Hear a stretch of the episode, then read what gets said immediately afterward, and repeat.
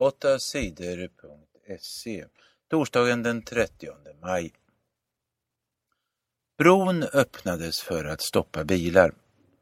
I mars dog två unga män när de jagades av poliser. För att stoppa männens bil bestämde poliserna att en bro utanför Enköping skulle öppnas. Men männen såg inte att bron var öppen. De körde ner i vattnet och drunknade. Många tycker att poliserna gjorde fel. Det var för farligt att öppna bron mitt i natten. Nu visar en undersökning att det inte var enda gången det har hänt. SVT Sörmland berättar att poliserna flera gånger tidigare har öppnat bron för att stoppa bilar. Det är ännu inte klart om någon kommer att straffas för att männen dog. Bråken kostade miljoner. Förra veckans bråk gjorde att brandkåren och polisen fick jobba mer än vanligt. Det kostade mycket pengar. Nu har polisen i Stockholm räknat ut hur mycket pengar bråken kostade. Ungefär 10 miljoner kronor kostade polisen i Stockholm förra veckan. Det är fem gånger så mycket som en vanlig vecka. Brandkåren i Stockholm kostade 100 000 kronor mer än vanligt varje dag. Tyresö i ledningen. Tyresö är i bra form. Laget drar ifrån i täten på damallsvenskan i fotboll. På onsdagen vann Tyresö utan problem med 3-0 mot Örebro. Tyresö leder serien 6 poäng före Malmö. I herrarnas serie ligger också Malmö 6 poäng efter ettan, men där ligger Malmö bara på fjärde plats. Helsingborg leder före Göteborg och Elfsborg. På onsdagen möttes Malmö och Helsingborg. Malmö spelade bäst, men matchen slutade oavgjort 1-1. Hårdare straff för våldsamma män.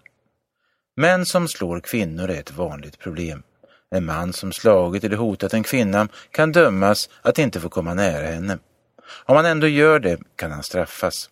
Nu ska straffen bli hårdare för den som bryter mot förbudet att komma nära. Det minsta straffet kommer att vara nio månaders fängelse. Det gäller också andra brott där en man hindrar en kvinnas frihet. Ändringen i lagen gäller från den 1 juli. Hizbollah måste lämna Syrien. Kriget i Syrien är på väg att sprida sig till grannlandet Libanon. Soldater från den libanesiska gruppen Hizbollah hjälper den syriska regeringens soldater i kriget mot rebellerna. Det har gjort att rebellerna i Syrien nu börjat skjuta mot byar i Libanon. Flera oskyldiga människor i Libanon har blivit dödade. USAs ledare är oroliga. Det här är mycket farligt. Vi kräver att Hizbollahs soldater genast lämnar Syrien, säger USAs regering.